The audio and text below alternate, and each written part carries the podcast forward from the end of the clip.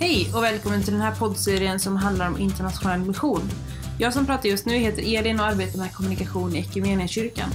I den här serien kommer jag möta flera spännande personer där vi kommer tala om mission, internationella relationer och mycket, mycket annat. Just nu är Equmeniakyrkans församlingar inne i ett temaår som utgår ifrån bibelboken Apostlagärningarna.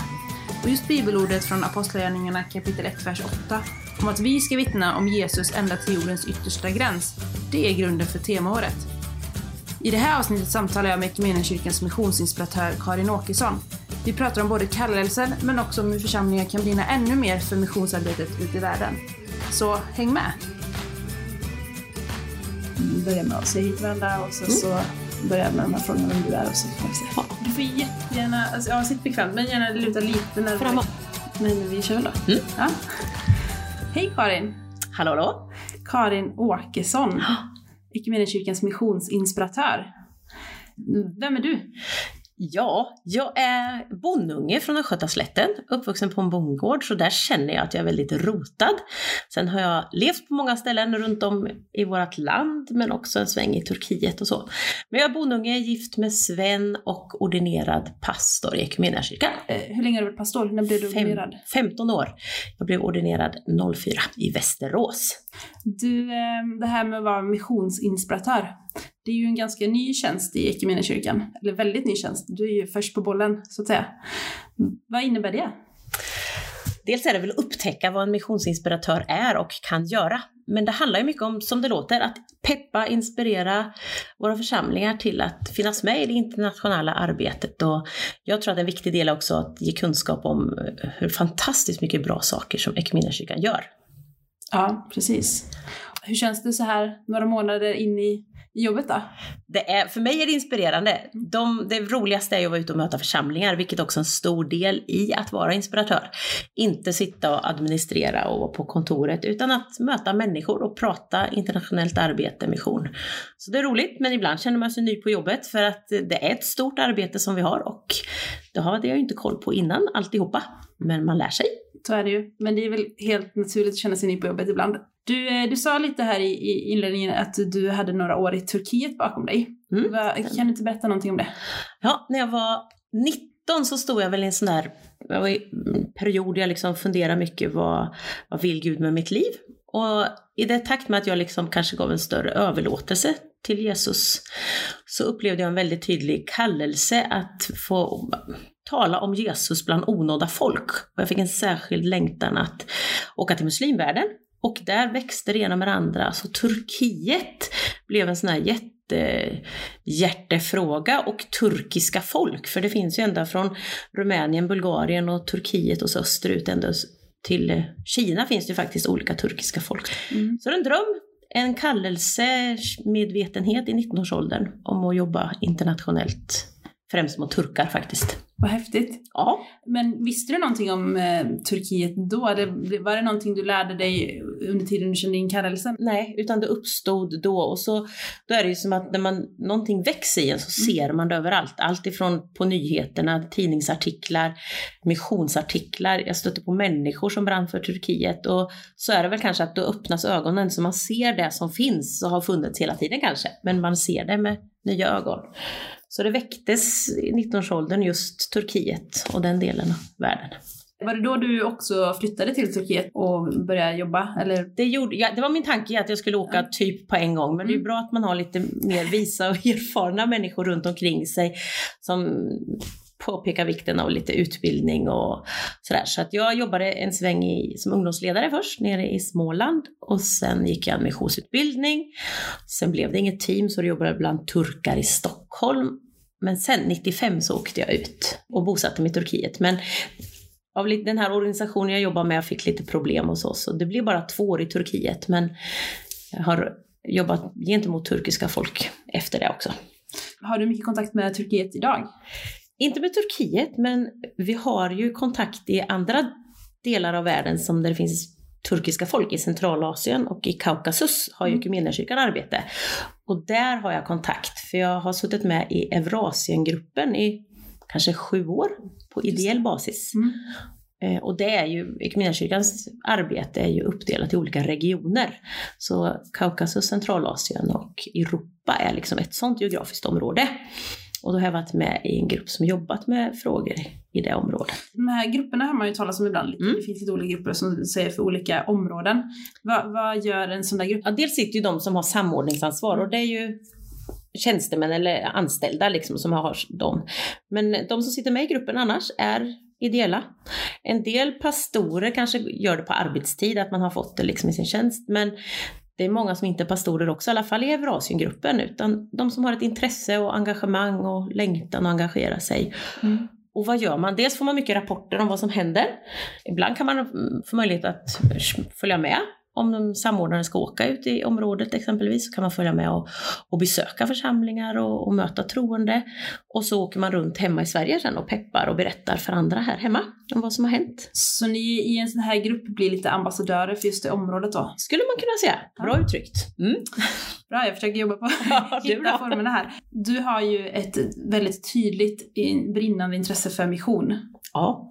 Det, det som sagt var hör man ju att det har varit så ganska lång tid i ditt mm. liv. Så att du är nu då vår missionsinspiratör i samfundet är ju inte så särskilt konstigt, tänker jag. Varför behövs en sån här tjänst som missionsinspiratör? Ja, alltså varför tjänsten behövs? Man, när Equmeniakyrkan bildades så kanske vi tappar lite av engagemanget från våra olika tre bildarsamfund.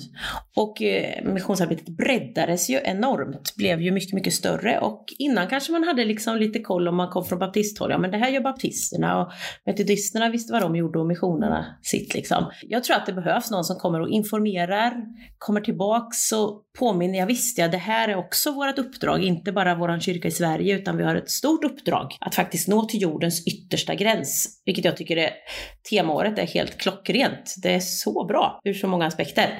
Men bland annat att hitta tillbaks till det internationella engagemanget. Sen är det många som har det, men, men det känns som det har dalat lite grann i kyrkan. Vad, vad tror du att engagemanget att det har dalat, vad tror du det beror på? Dels tror jag att det kanske kom bort lite i, i bildandet mm. och att man inte riktigt har hittat kanalen att nå ut med information till församlingarna. Så att det känns som avståndet, så tyckte i alla fall jag när jag jobbade i lokal församling också som församlingspastor, att det var långt till att få information vad som händer och vad som pågår om man inte engagerar sig själv i någon grupp eller så. Så det tror jag är en del. Många församlingar hittar ju andra vägar också att engagera sig i internationellt arbete. Och då kanske man inte ser att, ja visst ja, vi har en del i det här också, det här är vårat arbete. Eh, så synen, det här är bara min känsla utifrån att ha jobbat i lite olika församlingar, att man har sitt engagemang och det väljer man själv och sen har kyrkan någonting annat som man kan hänga på om man vill. Men det handlar ju egentligen om att kyrkan, det är ju vi. Så vi har ett missionsansvar och missionsarbete som kyrkan hjälper oss med att utföra varför ska vi som kyrka och församlingar jobba med mission? Det ligger i identiteten att vara kyrka. Jesus sa att vi skulle gå ut i hela världen och göra alla folk till lärjungar. Och så länge det fortfarande finns människor som inte känner Jesus så har vi det uppdraget kvar. Och så säger Jesus också så här, ja, rik, budskapet om mitt rike ska predikas i alla länder och alla folk ska få höra talas om mig. Sen ska slutet komma. Och det finns många människor som fortfarande inte har hört talas om Jesus. Och Guds rike har inte nått ut i världen. Det är krig och fattigdom och inte rent vatten till alla. Alltså vi har ganska stort arbete att göra kvar.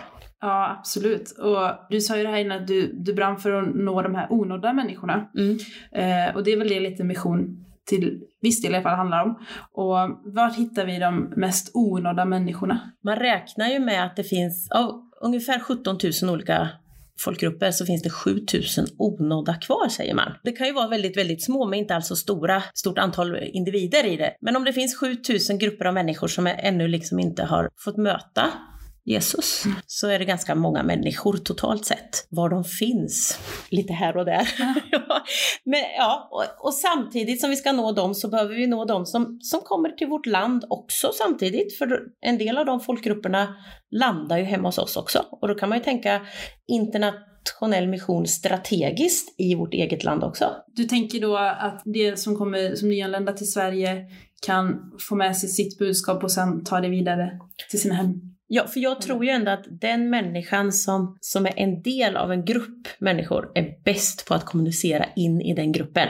Mm. Jag kanske inte är den bästa att åka till en afrikansk by och berätta om Jesus eller åka till en by i Centralasien, Mm. utan det är en från den egna gruppen. Men då måste ju de först möta Jesus. Kan de göra här? Och att det inte är antingen eller, antingen i Sverige eller i någon annanstans, utan att man gör både och och hela tiden. Vad kan vi just som samfundet Equmeniakyrkan bidra med ute i världen?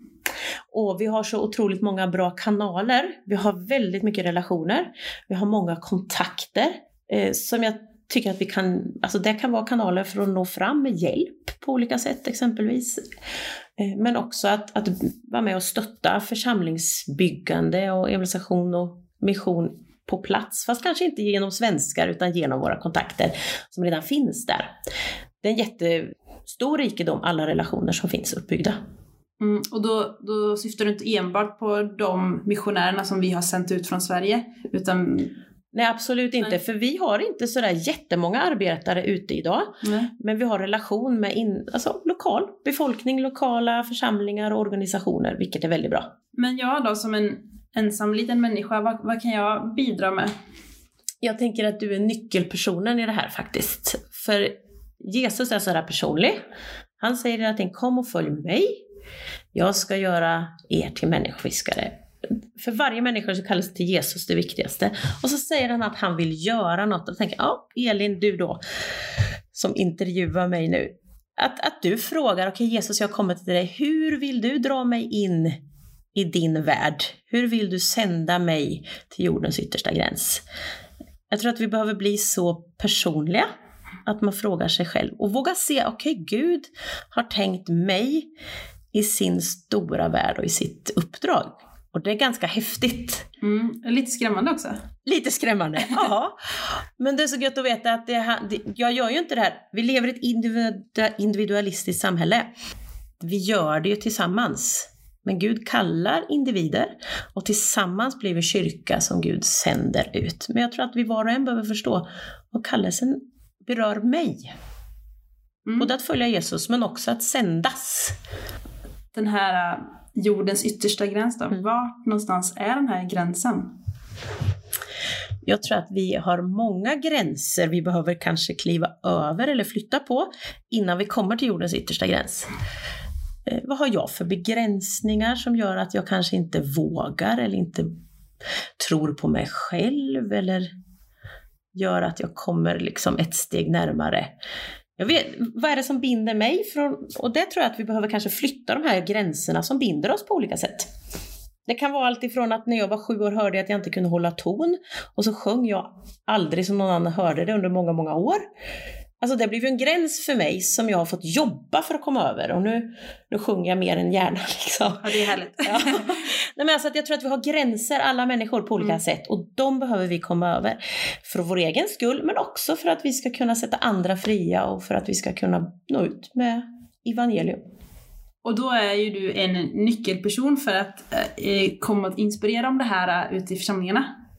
Hur mobiliserar vi ute i församlingarna? Ja, dels tänker jag lite på individnivå att fler behöver liksom börja brinna och förstå sin roll i det hela. Och att man vågar ta plats i sin församling. Kanske ligga på så här, ja men jag tycker vi ska prata om det här mer än insamlingsperioden. Alltså internationellt arbete gör vi inte från första advent till 26 januari typ, utan enskilda behöver säga, men nu tycker jag att vi ska ha en missionsgudstjänst eller nu tycker jag att scout ska fokusera på det den här terminen eller så att det blir levande, att man pratar om det över längre tid. Jag, jag tror att vi behöver hitta nycklar. Hur engagerar vi oss i bön för det arbete som pågår? Så att det inte bara blir Gud välsigna världen utan något som rör mitt hjärta. Eh, och där tänker jag att jag kanske kan bidra också med att, för vi har enormt många projekt och 30 länder som vi är i, att man liksom kan hjälpa församlingar att hitta sin grej som man kan gå in aktivt och be för av allt det breda som vi gör. För jag tror inte man riktigt kan mobilisera och orka brinna för allt samtidigt. Hur gör man för att komma i kontakt med dig? Man ringer mig eller så mejlar man. Ja. Dina kontaktuppgifter finns ju på hemsidan. Exakt. om man kontaktar dig så, så har du liksom lite olika verktyg och nycklar för att liksom locka fram den här inspirationen Mm. för mission ute i församlingarna. Mm. Och främst vill jag ju komma till församlingen och möta människorna. Mm. Och där kan ju se lite olika ut. Mm. Eh, jag kommer gärna på gudstjänst, men helst andra sammanhang. Därför att jag tror inte bara att jag ska stå och prata och berätta, utan jag vill skapa samtal och någon form av kreativ verkstad där man kan sitta ihop och få någonting att jobba med och fundera på i grupper eller så. Så att, att man blir inkluderad i tänket, inte bara ta till sig information. Så församlingsdag eller en bibelmissionsbrunch, liksom en lördagsfrukost eller en fest. Det är ju alltid roligt men liksom, kan man ha en liten höstfest eller vinterfest eller vårfest med internationellt fokus. Och, eh, men träffa styrelse, missionskommittéer, ungdomsgrupper och försöka liksom just få igång ett tänk kring det internationella arbetet. För det, det ser lite olika ut i olika församlingar. En del har ett ganska fungerande arbete, Absolut. andra är det lite mer svalt. Ja. Jag tänker att var och en behöver, precis som man behöver liksom förstå, oj, Jesus kallar mig till sig så kallar han mig ut också. Det tror jag var och en behöver liksom, oj, angår det här mig? Jordens yttersta gräns. Och sen hitta liksom andra som kanske brinner för detta också. Och då finns det något, jag försöker leta rätt på missionsambassadörer. Mm. Om det nu finns människor som känner, ja men jag brinner för det här och jag vill engagera mig. Eh, Att hitta små ambassadörer och göra små grupper som kan tillsammans brinna och påverka både lokala församlingar men också kanske regionen och finnas med i kyrkan stort. Hur tänker du att eh, missionsarbetet ser ut för Equmeniakyrkan i framtiden? Jag känner, alltså när man kommer in lite mer så här på inifrån och möter ganska mycket fler församlingar och missionsintresserade så ser jag två vägar. Och nu kör vi det positiva. Ja. här, nej men att, att det blir ett nytt engagemang och där det också har vänt lite, tänker jag, att så ser det ut i framåt. Att istället för att att känslan är att ja, kyrkan har något missionsengagemang som vi ska stötta, så blir det att jag som medlem i Kortedala-kyrkan, jag äger ett missionsarbete. Kortedalakyrkan har det här. Och det kan ju vara arbete i, i Spanien eller i Ecuador. Eller, men, men vi gör det tillsammans med kyrkan. Men att man har ett ägandeskap, det tror jag att vi måste komma tillbaks till. Att församlingarna känner det starkt. Att ja, vi äger det här missionsarbetet. Och det tror jag och hoppas jag på. Eh, jag tror och hoppas att det faktiskt finns några fler unga, medelålders, äldre som står i startgroparna för att sändas ut Mm. eh, om några år. Men att vi också har en beredskap för att ta emot arbetare från våra systerkyrkor hit. För att de ska kunna gå in i missionstjänst i Sverige. Och i och med temaåret så är ju internationell mission en väldigt tydlig del. Så det är inte av en slump att du har börjat som missionsinspiratör just nu. Nej, precis. Eh. Strategiskt bra gjort tycker jag, kyrkan. Verkligen. Ja. Men nu ska vi bara sammanfatta då. Vad, vad kan man som konkret göra? Be en enkel bön. Faktiskt. Kanske göra det till någon form av eh, rutin en gång i veckan eller om man har andakt varje vecka. Att, Jesus, hur kallar du mig? Hur känner du mig? Och sen också, alltså ring mig eller mejla mig och fråga hur kan jag engagera mig? Jag vill vara med. Så kan jag förhoppningsvis liksom lotsa eller hitta någon väg. Och peppa igång din församling, det är viktigt. Bra. Det låter som att vi alla som lyssnar på det här har någonting att fundera på. Absolut, och vi, vi är ju nyckelpersoner allihopa för Guds mission.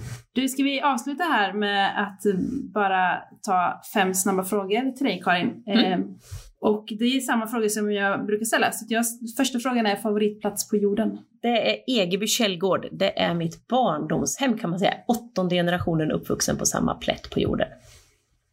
Och fråga nummer två då. Mest lyssnade låten på Spotify? Just nu så går Micke Jonsson, eller Mik- Mikael Jeff Jonsson, han går aldrig förbi dig. Fråga nummer tre. Varför internationellt engagemang? För min del menar du personligt? Ja. det är som ett gummiband. Det, jag återvänder alltid dit på något sätt. Även om jag försöker göra något annat så landar jag där ändå. Fråga fyra. Senast lästa boken? Alltså, det var någon eh, krimdeckare här i somras på semestern. Men jag kommer inte ihåg vilken titel det är. Sorry. Nej, men det var någon deckare. Det brukar bli så. Och eh, fråga nummer fem. Det bästa med Equmeniakyrkan? Att vi vågar försöka vara breda. Det tycker jag är superbra. Utmanande men, men, eh, men positivt. Bra. Du, tack Karin Åkesson för att jag fick eh, prata med dig. Och eh, som sagt det går ju att kontakta dig både telefon och, och via mail. Och eh, dina uppgifter finns på hemsidan. Så hoppas jag att du får många församlingsbesök här framöver. Tack så mycket tack Elin!